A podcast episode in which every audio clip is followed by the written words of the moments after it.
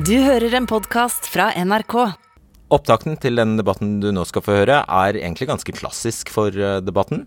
Nemlig at vi griper tak i det vi ser er en stor og viktig sak for mange. Nemlig at Pensjonistforbundet i denne sammenhengen går ut og sier at det har foregått et pensjonsran. Pensjonistene er fratatt to milliarder kroner, sa de. Og så blir alt vanskeligere etter det. Fordi det å forklare teknikalitetene i hvordan man eh, kommer fram til de to milliardene, er vanskelig, for å si det mildt. Men vi gjør et forsøk her på å forklare forskjellen på regjeringens regnemetode og pensjons, pensjonistorganisasjonenes regnemetode, som altså da eh, blir til 0,55 eh, i forskjell, som altså utgjør 2 milliarder kroner. Og etter det skal du få høre en mer eh, ordinær eh, debatt om det nokså evinnelige temaet minstepensjonister. Fordi det er slik at eh, Trygdeoppgjøret er ferdig, og det er fremdeles veldig langt fra fett å være minstepensjonist. Faktisk havner de enda lenger unna EUs fattigdomsgrense nå enn de gjorde tidligere.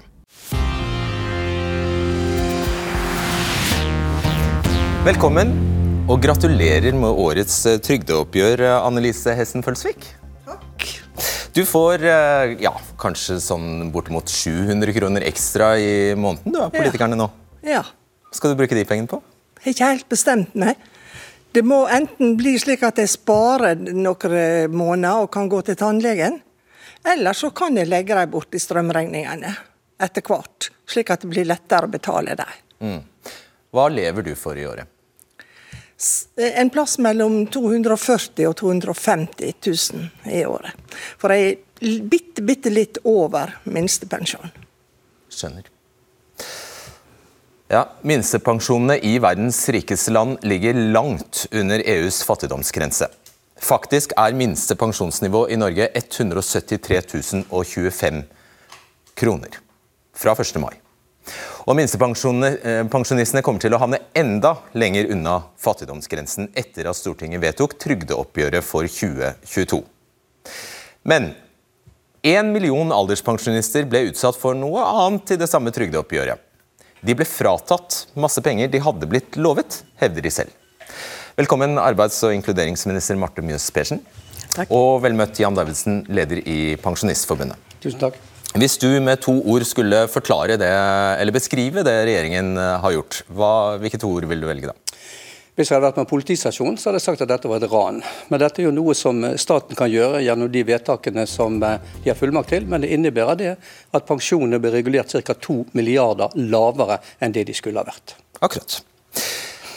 I flere år havnet eh, pensjonistene i minus mens vi lønnstakere fikk reallønnsvekst. Det ble det sterke reaksjoner på, og det skjedde fordi formelen som ble brukt den gangen, var lønnsvekst, altså for oss andre, minus 0,75% Fra i fjor ble dette endret. Nå skal pensjonene øke med lønnsvekst og prisvekst delt på to, altså snittet av lønns- og prisvekst. Så Det betyr at pensjonistene får de får mindre enn oss andre som er i jobb, men likevel skal de aldri tape kjøpekraft i år da vi andre får økt kjøpekraft. Så la oss nå se hva som faktisk skjedde. I trygdeoppgjøret i 2021, altså i fjor, så antok man at eh, lønnsveksten skulle bli 2,4% Men hurra, det gikk mye bedre enn som så. Lønnsveksten ble 3,5% Og pensjonistene sier da at de skulle hatt 1,1% mer i fjor, hvis det var mulig å spå hva som kom til å skje. Så i år blir regnestykket Nå blir det grafikk her. I år blir da regnestykket som følger. Regjeringen gjør det på dette viset. Regjeringen legger sammen, i 2022 altså, forventet lønnsvekst på 3,7% legger de sammen med forventet prisvekst på 3,4% pluss denne differansen jeg snakker om, på 1,1% og så deler de på 2, altså 8,2 på 2. Da får de 4,1% Dette er regjeringens regnestykke. Men Pensjonistenes organisasjoner mener regnestykket mer ser sånn ut. De mener at man må legge forventet lønnsvekst på 3,7% sammen med forventet prisvekst på 3,4 Da får man 7,1 Og så må man dele det tallet på to. Da får man 3,55% Og så, etter det, må de 1,1 prosentene legges til. De skal ikke deles på to, disse 1,1 prosentene, ifølge pensjonistenes organisasjoner. Og Da får man et annet resultat, som vi ser. Da får de 4,65% Og jeg må bare beklage, beklage, beklage alle tallene her. Du trenger ikke forstå alt. Det du må forstå, er egentlig det eneste du må forstå, er denne forskjellen på 4,65 og 4,1. Det utgjør 0,55% og det er her striden står. For i dette regnestykket vil 0,55% si ca. 2 milliarder kroner. Og Jan Davidsen, eh, hva, er som, eh, hva, er det som, gjør at du insisterer på den siste måten å regne på? Nå vet jeg at du egentlig vil gå enda lenger, for du mener jo at man ikke skal blande inn prisvekst, men la det fare. Altså Ideelt sett så er det riktig at vi vil gjerne at eh, pensjonen reguleres som dags- og lønnsveksten ut ifra bl.a. den forklaringen som eh, Inger-Lise har gitt. Men det vi mener er feil med dette, er nettopp det at eh, de pengene altså Trygdeoppgjøret er enkelt. Det er to elementer. Det er nettopp anslaget i lønn og pris og Så kommer du til neste år og så ser du hvor mye bommet vi på anslaget. Og Anslaget bommet man altså i fjor på med 1,1% Og det vil si at Hvis regjeringen i fjor hadde tippet rett og da sagt at eh, lønnsveksten kommer til å være 3,5, prisveksten 3,5, så hadde vi fått pengene i fjor. Pga. denne måten å gjøre det på, så taper vi altså ca. disse to milliardene, som på en måte kommer til å gjelde i år, akkumulerer seg til neste år. slik at den negative utviklingen vi hadde under det forrige regimet, det kommer også til å fortsette under dette regimet. Så egentlig en gladnyhet selvfølgelig at lønnsveksten ble så mye bedre enn det de spådde. Men så får dere en kalddusj når det viser seg at regjeringen deler også den eh, differansen på to. Dette var jo det den forrige regjeringen også ville gjøre. Men da var heldigvis eh, opposisjonen på Stortinget inne og sa det at nei, etterslepet det må man få kompensert fullt ut. Og det fikk vi i fjor. Og Derfor regnet vi med at det samme måten å gjøre det på i år ville bli lagt til grunn. For det som var En del av problemet i fjor det var at når regjeringen trodde at lønnsveksten var 2,4, så hadde man allerede gjort ferdig privat sektor med 2,7. Offentlig sektor hadde fått tilbud på 2,8. Så alle forsto at dette måtte være feil. Og så fikk vi den uh, altså uventede prisstigningen som gjorde at vi havnet på et snitt på 3,5. Og så skal vi være snille med seerne og ikke uh, Nå tror jeg vi, vi prøver å, å, holde oss til de tallene vi, vi har lansert her. Marte Mjøs Pertsen, du er altså arbeids- og inkluderingsminister. Hvorfor gjør du dette? Jeg forholder meg jo til eh, de reglene som eh, Stortinget med et bredt flertall eh, har bestemt. og I hovedsak så er det veldig gode nyheter for pensjonistene. Nettopp at vi skal regulere med et gjennomsnitt av lønns- og prisvekst. Noe som vil gi også pensjonistene en, en forventet utvikling, også i de årene der lønnsmottakerne går ifra og pensjonistene tidligere ble hengt hang etter. da. Og så blir det jo litt teknisk dette, for det, det det egentlig dreier seg om, er jo hvilket år man eh, vil si at eh, man, man, begynte overgangsreglene fra, der stortingsflertallet da mente at det var i fjor. altså overgangen fra null, denne eh, formelen ja, fra, det, på 0,75 ja. til dette her ja. nå at det skal gjelde et snitt? Ja, eh, og til at, vi da, eh, til at stortingsflertallet mener at dette var i år. Og I år så får pensjonistene en god regulering. Eh, og årsveksten blir høyere enn med det gamle reguleringssystemet og i år blir det 4,12 sånn som du sier. Med den gamle reguleringen med fratrekk på 0,75 ville det vært 4,05% Og Vi gjør jo dette for at det skal være en forutsigbarhet også for pensjonistene, mm. men også for fremtidige pensjonister. Mm. At man skal vite at det blir regulert i tråd med eh, en regelstyrt ordning. Noe som pensjonistorganisasjonene også eh, støtter, og som eh, er en viktig men, men fremtidsrettet ordning. Du har, ranet, du har ranet pensjonistene for to milliarder kroner. Intet mindre, sier han. Ja, det er jo da eh, slik at Stortinget oppfattet at overgangsåret var i fjor, om man fikk eh, utbetalt det. Og så er det jo slik at eh, endrer eh, prisveksten seg, blir høyere enn eh, det som vi har lagt til grunn i år, vil jo det komme til utbetaling neste år, når man da justerer for eventuelle endringer i dette. Og Dette gir trygghet for den enkelte eh, om hvilken pensjonsopptjening man får over tid, og det gir trygghet for fremtidige pensjonister. Jo, men det som var poenget i fjor, som Stortinget var tydelig på, det var at det er det første året man skulle regne gjennomsnittet. Men, sa man, det skulle ikke reguleres over lønnsutviklingen.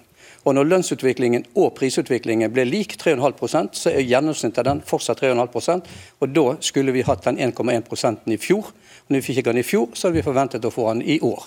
Det går på tilliten og troverdigheten i systemet. Og det kan i hvert fall ikke kalles forutsigbart når dere altså i løpet av så kort tid lager regnestykker som innebærer at det bortfaller så mye penger. Men, eh, og Uansett hva du måtte si om bærekraft og forutsigbarhet, eh, som vi ser her, din måte å regne på gjør at pensjonistene får to milliarder mindre. Hvorfor det? Det er jo slik at eh, Pensjonssystemet vårt er avhengig av bærekraft. og Da er det to elementer i det. Det ene er den økonomiske bærekraften. og da er det slik at det er de yngre, de unge generasjonene, som tar den største byrden av å finansiere pensjon, mm, pensjonssystemet. Du, bare... La meg få lov til å fullføre, for okay, snill. Eh, fordi at eh, de, eh, de, må da jobbe lenger enn dagens pensjonister har gjort. Og så bidrar pensjonistene inn i dette med da tidligere at de fikk det fratrekket på 0,75, som er en del av det spleiselaget pensjonskassen vår egentlig er. Og så har du den sosiale bærekraften, som også er viktig viktig, som handler bl.a. om det som eh, blir snakket om her, knyttet til at mange minstepensjonister lever med eh, lav eh, inntekt og er en del av eh, lavinntektsgruppene i Norge. Eh, og Der mener jo vi at vi må øke minstepensjonistene og der jobb, minstepensjonene. Det jobbes nå i et eh, pensjonsutvalg som har jobbet i to år, som skal komme med forslag til hvordan vi kan gjøre pensjonssystemet vårt mer sosialt bærekraftig på sikt. Du nevnte det i stemmen. Bare, jeg tror du skal forklare det en gang til. Arbeiderpartiet og Senterpartiet, da de var i opposisjon, stemte stikk motsatt av det de gjør nå. Det det du, var det det du sa? Det var det jeg sa, og det var det de gjorde. Og eh, det som var Poenget med det, det var jo nettopp det at den overgangen vi skulle ha skulle innebære at vi fikk kompensert for det vi skulle hatt året før. Og Det er akkurat det samme prinsippet som i år. Pengene vi skulle hatt i fjor, skulle vi få i år, og halvparten er vekke. Og så er jeg enig med Marte Pedersen at det er viktig at vi klarer å få bærekraft i systemet. Men dagens system er basert på de som har gått i arbeid i alle år, betalt skatten sin, pensjonsavgiftene sine, og gjennom det skal ha ut sine rettigheter, så de kan leve noenlunde anstendig. Og Det er jo det dette dreier seg om, at nå har vi altså hatt en nedgang i mange år gjennom det forrige systemet, og nå kan vi fortsette på den måten. der. Bare se på prisutviklingen, hvordan den har vært nå de siste årene. Og Når du sier bærekraft i denne eh, sammenhengen, her, så er jo det bare et nyord for å spare? Det er ikke så enkelt, tenker jeg. fordi at eh, Vi har jo eh, mange ting på statsbudsjettet som skal også prioriteres. og Mange unge i dag er nødt til å stå lenger for å få en pensjonsutbetaling. Eh, og Det har vært en del av generasjonsavtalen at også pensjonistene da har bidratt. Og Nå får de en bedre ordning med denne måten å regulere Hvorfor på dere motsatt? og reguleringen. Hvorfor stemte dere motsatt i fjor? Da var det jo et annet system. Da var det jo nettopp lønnsveksten minus 0,75 som lå til grunn for reguleringen, så har Stortinget vedtatt nye, eh, nye, regler for å regulere, nemlig gjennomsnittet av pris- og lønnsvekst. og Det kommer det til å bli kompensert for neste år dersom eh, prisveksten eller lønnsveksten forandrer seg i dette systemet. og Overgangsåret var da i, i fjor. Stemmer det? Nei, I fjor så var det første året vi regulerte ut fra et gjennomsnitt av pris og lønn. Året før var det siste vi hadde lønnsvekst minus 0,75. Og Det er derfor vi mener at systemene er ganske sammenlignbare. fordi at det er to elementer som skal legges til grunn, og som jeg nevnte i sted. Og eh, Det er jo det vi da reagerer på, at eh, man på denne måten da endrer regnestykket eh, uten at man på en måte er villig til å ta konsekvensen av at dette er penger vi skylder. Og Hvem er enig med deg i det at det er regjeringen som her fratar pensjonistene opp mot to milliarder, tror jeg vi sier? Ja, så nå har jo eh, eh, statsråden sagt at det er jo flertallet på Stortinget bestående av Arbeiderpartiet, Senterpartiet og Høyre som stemte for dette. Og Så er det varierende da, eh, synspunkter fra de andre partiene under behandlingen. Og Vi er jo spent på nå, da, når man nå skal gå inn og se på både revidert og annet, om det er muligheter for at noen år kan få reist denne saken her. Mm. Uh, uh, grunnen til at du fremdeles står her, er at du skal være med oss gjennom hele sendingen, Annelise Hessen Følsvik. Og, uh, nå lurer jeg på eh, Ja. Du, du, nikket på, du, nikket med hodet i sted, i sted da, da, Davidsen sa at dette er penger pensjonistene skulle hatt. Ja. Hvorfor det?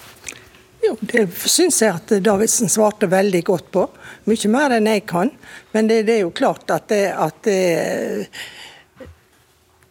minstepensjonistene ser jo på dette her som eh, noe som er noe som oss hadde rett på. Og, og skuffelsen og nær sagt forbannelsen er ganske store ute på dette. Da skal vi ta inn eh, resten av panelet her. og du, Davidsen, du kan flytte deg over på denne siden. Jeg skal ønske velkommen til Sylvi Listhaug fra Frp, Kirsti Bergstø fra SV, Henrik Asheim fra Høyre, Marie Sneve Martinussen fra Rødt og pensjonsekspert Alexandra Plate. Uh, Følsvik, du, du, sa at du lever for rundt ja, mellom 240 og 250 000 kroner i uh, året. Det er rett over minstepensjonsnivå i Norge. Hva rekker en sånn pensjon til? Den rekker jo til det den må rekke. Jeg må jo betale mine regninger, jeg sånn som alle andre, med de pengene som jeg har.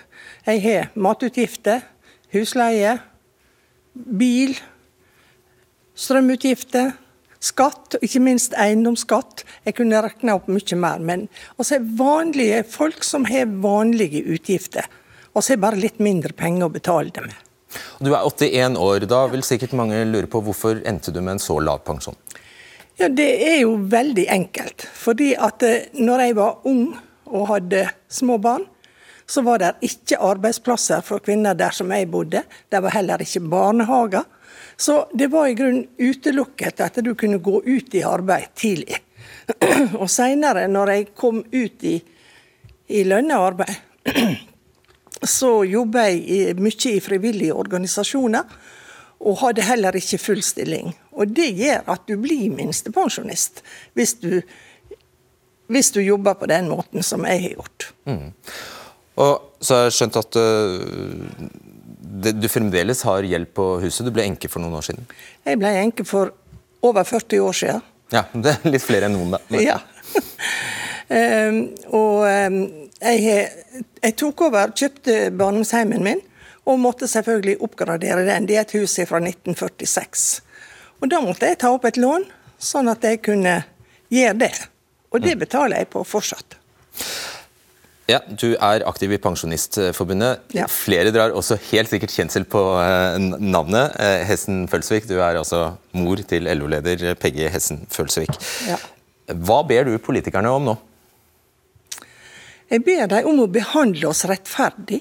Jeg ber om at de eh, prøver å se at å leve på så lite som en minstepensjonist gjør i dag, det er rett og slett ikke Det er ikke rettferdig, og det, og det er Ja.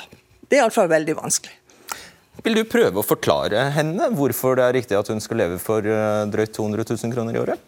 Det er ingen tvil om at uh, veldig mange spesielt enslige minstepensjonister eh, har lite penger å leve for. Eh, og Det eh, ønsker jo regjeringen å gjøre noe med. Vi ønsker jo å løfte minstepensjonistene, og det har vi skrevet om i Hurdalsplattformen. Og Vi har et pensjonsutvalg som nå har eh, jobbet i to år, som skal levere sin innstilling om noen få uker. Som bl.a. handler om den sosiale, der de har mandatet sitt, som handler om den sosiale bærekraften. Altså at pensjonssystemet også må oppleves rettferdig. For det er jo store forskjeller også blant pensjonistene på hvor mye man lever for i, i Norge. og vi er nødt til til å ha et system som oppleves også rettferdig for flere enn det vi, vi gjør i dag. Så Vi ønsker jo å øke minstepensjonene, men jeg er opptatt av at vi har pensjon... Var det derfor Arbeiderpartiet nettopp stemte mot det forslaget i Stortinget? Vi har sagt at dette er viktig at vi ser i en helhet. Fordi at det er jo, ja, ja men det skal være en balanse her. Fordi at Vi skal også ha et pensjonssystem som står seg over tid. Eh, der det er også mulig for de yngre generasjonene å eh, ta ut pensjon når det kommer uten at de må jobbe for lenge. Og det skal også eh, lønne seg å jobbe. At de som også har arbeidet, skal også se at de får noe igjen for, for, det. Så Her finnes det en balanse som er viktig at vi tenker oss nøye om. Og så syns jeg det er viktig at vi har et bredt flertall på Stortinget, sånn at dette står seg over tid. Sånn at ikke det blir snudd på hodet igjen etter kort tid der etter neste stortingsvalg. Jeg spurte jo statsråden det jeg egentlig spurte henne om, som jeg ikke følte jeg fikk svar på, var jo hva hun ville, eh, hvordan hun ville forklare at det var riktig at du skulle leve på drøyt 200 000 kroner i året. Hva fikk du ut av det svaret her? De hører hva hun sier. Ok. Jan Davidsen, hva er din beskjed når det gjelder minstepensjoner? Nei, Vi har jo en eh, ambisjon i Pensjonistforbundet om å få løftet eh, minstepensjonene til om lag 60% av meridianen, som er EU sin fattigdomsgrense. Dvs. Si ut fra tallet i dag et sted litt over 260 000. Og Det å få laget en opptrappingsplan har vært et krav som vi har hatt lenge. fordi vi ser jo at en ting er at Vi er snart blitt en million pensjonister, men pensjonistene oppfordres jo hele tiden til å ta ansvar for egen helse, egen bolig, som Annelise sier osv. Det er klart det har noe med utgiftene å gjøre. Og Utgiftensnivået i dag, levesettet vårt i dag, er helt annerledes enn det det var på 60-tallet, når pensjonsreformen kom, nivåene ble lagt.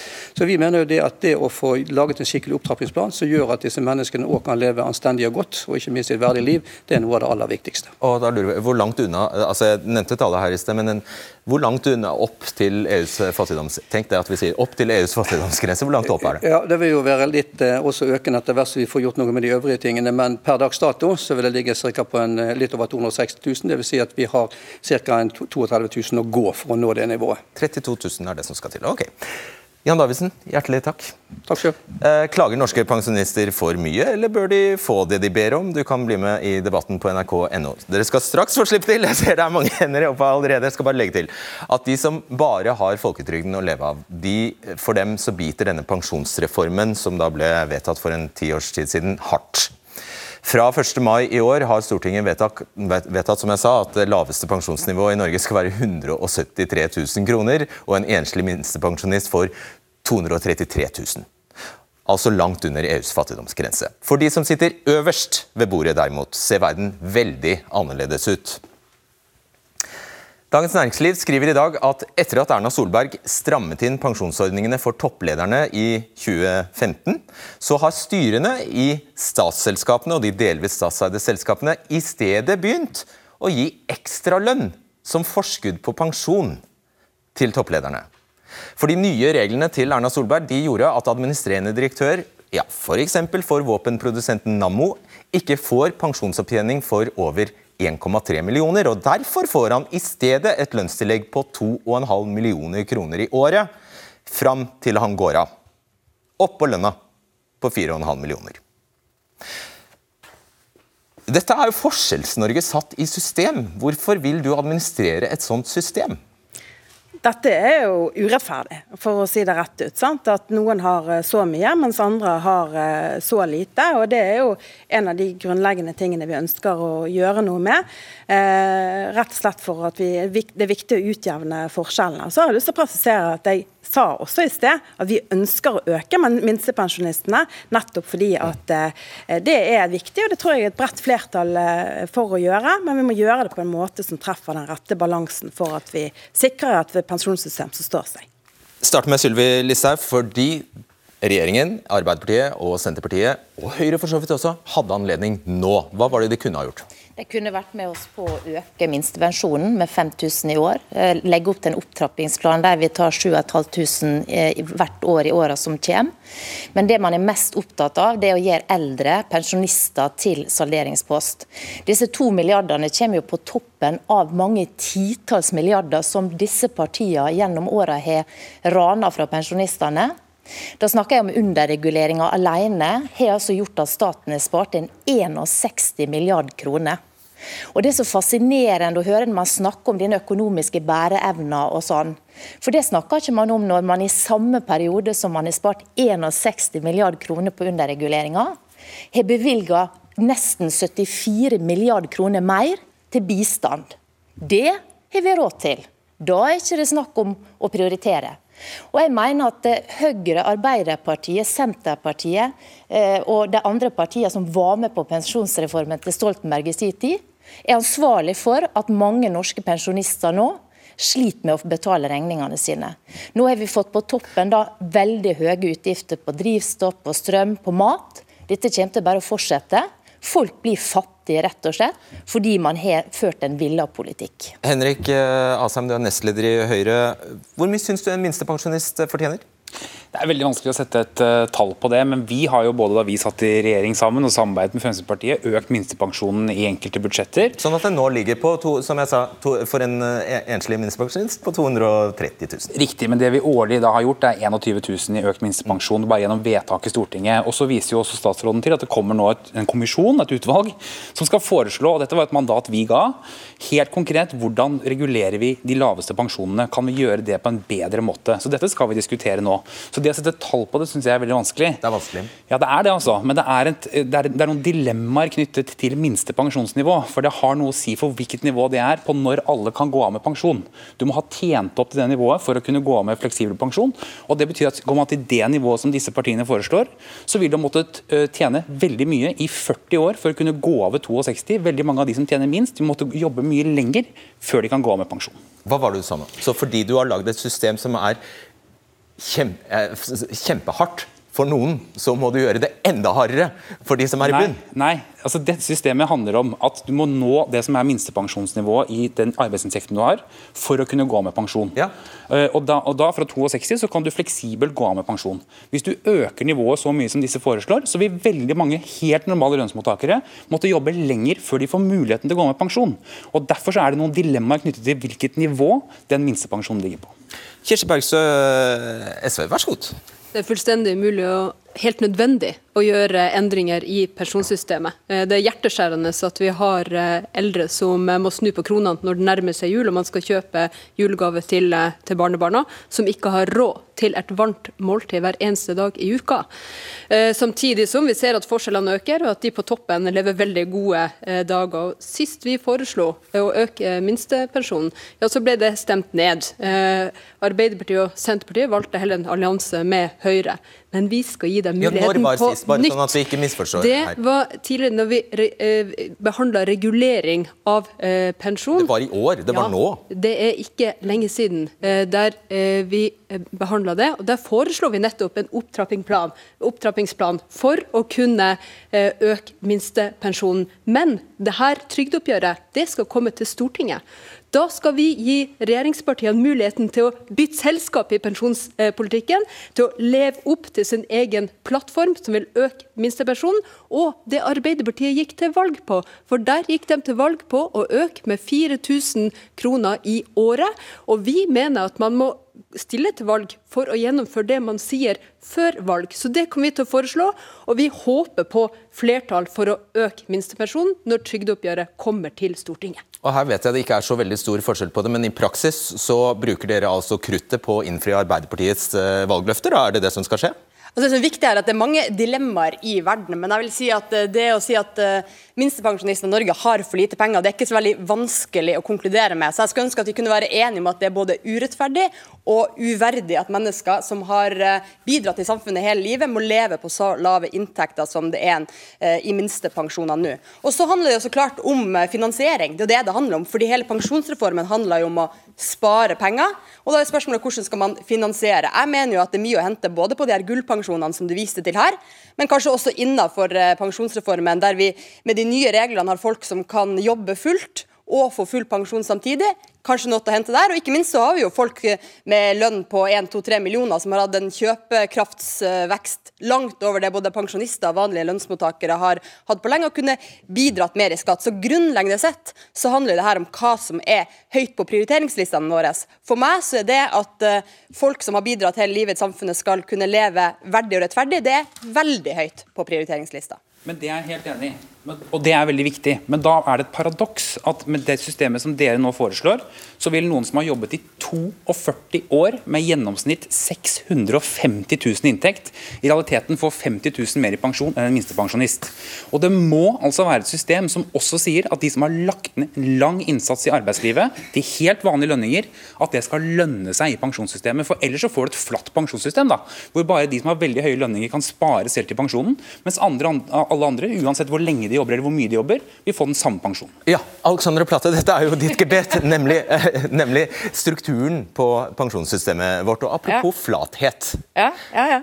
Det var sånn en gang, vet jeg, dette er du veldig opptatt av, det var sånn en gang da folketrygden ble innført i 1967, at den som hadde høyest pensjon, hadde fire ganger så stor pensjon som den som hadde lavest pensjon. Hvordan har det blitt nå, når vi skriver 2022? Nei, du kan si at I utgangspunktet er det riktig som du sier, at man, hvis du hadde makspensjon og jeg hadde aldri vært i jobb, så skulle du ha fire ganger så høy pensjon som meg. Og Så ble det forholdet fordi man kuttet på toppen, og så økte man i bunnen. Så det forholdet ble én til to. Og da var det jo man sa at oi, men vi må bygge opp under arbeidslivet. Det skal alltid lønne Ja, seg pensjonsmessig økonomisk jobb. som, har høyest, den, altså den som har absolutt høyest pensjon fra folketrygden i Norge i dag, har bare dobbelt så høy pensjon som minst, den som har minst. Ja, i utgangspunktet så er forholdet omtrent det. Og Poenget da er ref i forhold til det som ble sagt, at alle er jo, jeg tror alle er enige om at vi trenger et pensjonssystem som er bærekraftig både økonomisk og sosialt. Og det er bare lyst til en ting, for Jeg blir liksom fascinert når jeg hører her, for da tenker jeg hvem er minstepensjonisten? Ja, hvem er det? Ikke sant? Ikke? Jo, Annelise er det typiske eksempelet. Vi tror alle er enige om at det å bare leve av minstepensjon, det er stusslig. Og Derfor er det veldig mange som er avhengig av å ha ekstra stønadsordninger, som er behovsprøvd, bostøtte, sosialstønad, for å få økonomien til å gå, rundt, gå rundt. Men jeg må bare ta ytterpunktet. For så er det ytterpunktet, da. Bare tenk helt ytterpunktet. Ja, da har du direktørfrua, som har vært hjemme i alle år helt frivillig.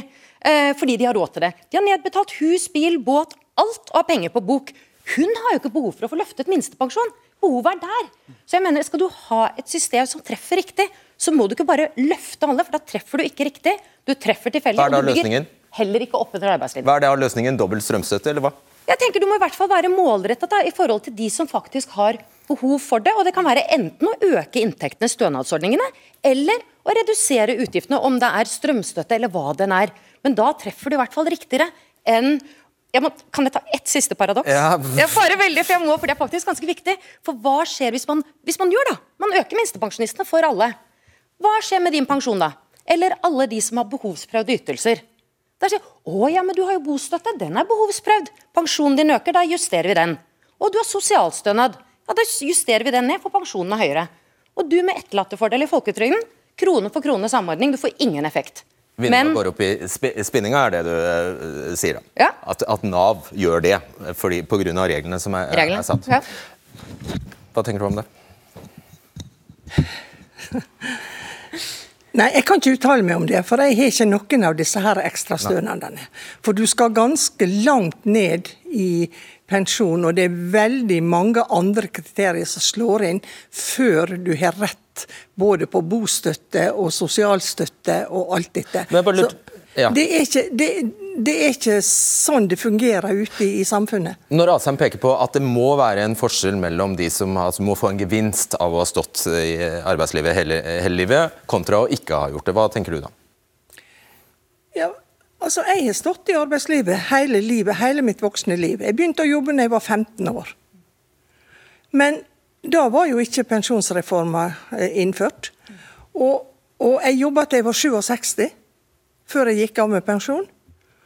Og jeg skjønner ikke at ikke det skal uh, være nok til at jeg skal få litt mer å leve av nå. Det holder jo ikke vann, da, argumentet ditt. Jo, for dette er jo hele poenget med pensjonsreformen. Det var derfor den ble laget, og så må vi bare ha med oss et bakteppe til.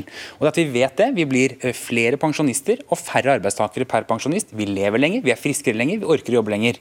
Og da er det sånn at Hvis vi ikke håndterer de utgiftene allerede nå, så vil det bryte sammen det systemet. Bare det forslaget dere kommer med nå, vil neste år koste 5 milliarder, men i 2050 47 milliarder hvert eneste år. Og Det er penger som dere ikke har, men som dere bare kan stå og love bort nå. Bergstø først. Hvem er vi? Det er noen som taper, og det er noen som vinner. Eh, Og den pensjonsreformen som eh, er gjennomført, eh, det er en voldsom omfordeling. Og det er en omfordeling fra folk som har eh, kort eh, utdanning, som har harde, tøffe jobber, eh, og som ikke nødvendigvis lever lenger, eller har valget mellom å stå i jobb mye lenger, til folk som er friskere, som kan velge å jobbe lenger, og som i større grad har lengre utdanning. Og Det er jo derfor det er en helt enorm urimelighet her, fordi at sliterne ikke lenger har råd til å gå av med en verdig eh, pensjon. Platsa egentlig det Eh, og- motsatte nettopp, at ujevnheten har blitt mindre i pensjonssystemet. det, her, eh, er, det er ikke sånn at alle lever lenger. Det er sånn at noen lever lenger. Eh, I mange yrkesgrupper så lever man faktisk ikke lenger. Men det er dem som betaler for at andre lever lenger. Og det er jo derfor det er et grunnleggende usosialt system som vi er nødt til å justere på. Jeg er veldig glad for den debatten som er i fagbevegelsen nå, fordi folk erkjenner eh, den dype, omvendte omfordelinga som har funnet sted, og det må vi rette opp i. Ja, For oss så handler dette her rett og slett om anstendighet. At det, det er flaut at Norge, som det rike landet vi har, er, eh, skal ha en minstepensjon på under EUs eh, fattigdomsgrense. Dere har valgt å gjort eh, pensjonistene til salderingspost. Fremskrittspartiet har vært uenig i det absolutt hele tida.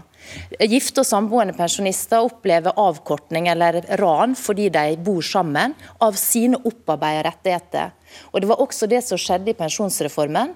At man tok opparbeidede rettigheter fra folk fordi man skulle spare penger. På andre områder så øser man ut penger eh, i øst og vest. Og så vil jeg utfordre SV, fordi nå sitter dere på vippen. Vi gjorde det før. Vi prioriterte i budsjettforhandlingene økning i pensjoner da når vi gikk ut av regjering. Vi gjorde det også i regjering. I årets budsjett har ikke lagt inn ei eneste krone til pensjonistene. Jeg håper det nå blir prioritert når dere skal inn i revidert. Jeg hører du snakker om trygdeoppgjøret. Du har muligheten til å ta grep i revidert nasjonalbudsjett, og da vil velgerne se om man prioriterer det. Og så til Rødt. Vil du, vil du, ja. Ok, greit. ja.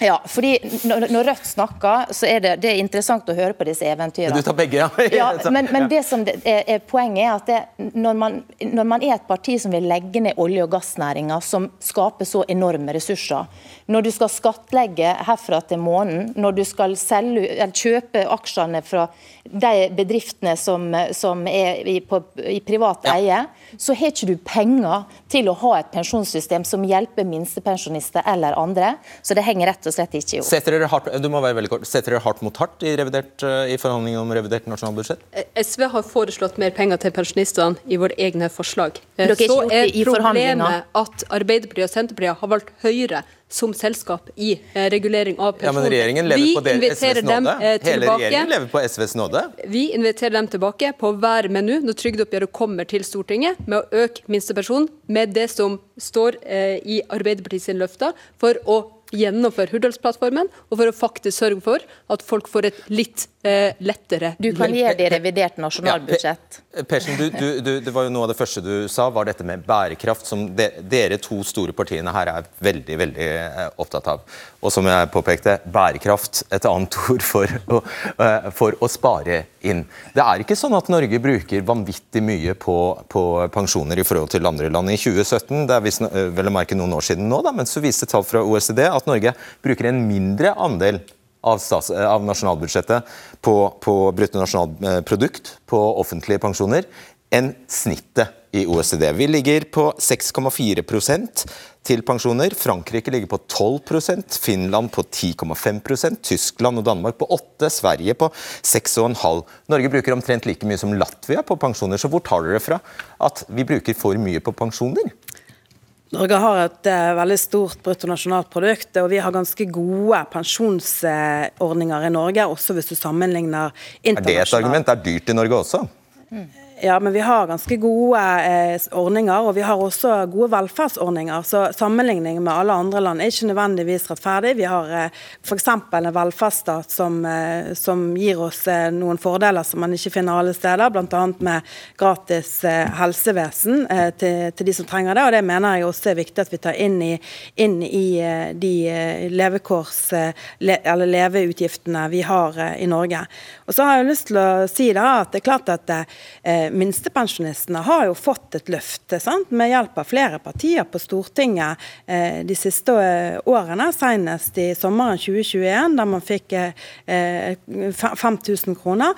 Eh, og Vi har nå et pensjonsutvalg som skal se på denne sosiale bærekraften. og Det er viktig at vi ser dette i, i en sammenheng, der vi finner den rette balansen både mellom det og, at det skal lønne seg dette å stå. pensjonsutvalget, skal du trøste minstepensjonisten med at det kommer et utvalg, eller skal du gi dem De, penger? lever, de kommer altså med sin innstilling om, eh, om 15. juni. Det er ikke mange ukene til. eh, og De har arbeidet i to år. og Det er viktig for at eh, vi nettopp skal finne den balansen, slik at ikke det blir sånn som eh, Platt her beskriver, at, at noen mister bostøtte. For selv om mange ikke får det, så er det omtrent eh, 20% av minstepensjonistene som får bostøtte. og Derfor så er det viktig at vi finner den rette balansen her, sånn at vi sørger for at vi gir et reelt løft til de minstepensjonistene minstepensjonistene som uh, trenger det. Mar Martinussen, du skal ikke forfølge dette olje, jeg skal ikke forfølge oljesporet, men jeg skal bare legge til en opplysning. Det, er, det tas omtrent nøyaktig like mye penger ut av oljefondet for å finansiere pensjoner som pensjonene koster i Norge. Må- Altså rundt 300 milliarder kroner. Så det er de pengene du bruker til pensjoner i dag. Jeg må jo klare å få svaret på Listhaug sin eh, utfordring, for det hun peker på er å sette verdens fattige, altså bistandspengene, opp mot Norges fattige. Og Det er ikke så rart at Listhaug må gjøre det, fordi Frp gjennom åtte år i regjering har gitt bort alle pengene til de rike i Norge. Det er et meme på internett der man sier at de rike tar kaka, så sier du etterpå se, de fattige har tatt kaka di. Det er et faktisk meme, sjekk på internett. Men det vi må slutte å snakke om, er at det skal lønne seg å jobbe. For så klart gjør det det. 85% av minstepensjonistene i Norge i dag er damer, fordi de nettopp har gjort sånn det, valgt å være hjemme med barn. De kan ikke gå tilbake i tid, til 60-70-tallet, og velge å da heller jobbe enn å være hjemme med barn. Dette handler om at likestillinga i Norge den var ikke kommet så langt når en del av dem som nå snart blir pensjonister, eh, skulle ut i arbeidslivet. Og Det handler også om at kvinner tjener mindre enn menn, og derfor også oftere ender opp som minstepensjonister. Så det er både et klassespørsmål og et kjønnsspørsmål. Klarer du fem sekunder? Vi, altså, vi må ikke gjøre det til et problem at vi både gjør dette arbeidet grundig og at det vedtas bredt. Det ble vist i Frankrike her. Tro du meg, du vil ikke overta Frankrikes pensjonssystem. Det kommer til å bryte sammen hvis ikke de gjør noe lignende. Så vi er veldig opptatt av å lage det generasjonsregnskapet som gjør at også uh, yngre folk som deg, Fredrik Solvang, kan få pensjon når de går av med pensjon. Vil du avslutte for oss? Ja. Um, det er veldig mye snakk om, om uh, fra den sida om de unge, uh, som kanskje ikke, ikke uh, når opp eh, på samme Altså at de også kommer i en klemme fordi at dette blir så dyrt. Og la det være sagt, jeg personlig jeg har lyst til å bruke et ord hjemmefra. Jeg har attelet for dem. Hvis dere ikke forstår det, skal jeg forklare dere etterpå. Eh, Men jeg syns ikke det er rett å sette det opp imot minstepensjonistene i dag. Du skal ikke sette to svake, den ene svakere enn den andre, da kanskje opp imot hverandre. Og jeg syns at oss må ha råd til å ordne med en skikkelig pensjon til både minstepensjonistene i dag og de som skal bli pensjonister om noen år. Da lar vi det være siste ord. Og så får dere som lurer på hva en meme er, dere får søke det opp. Og så får dere som lurer på hva attelett er, søke det opp. Takk for i kveld.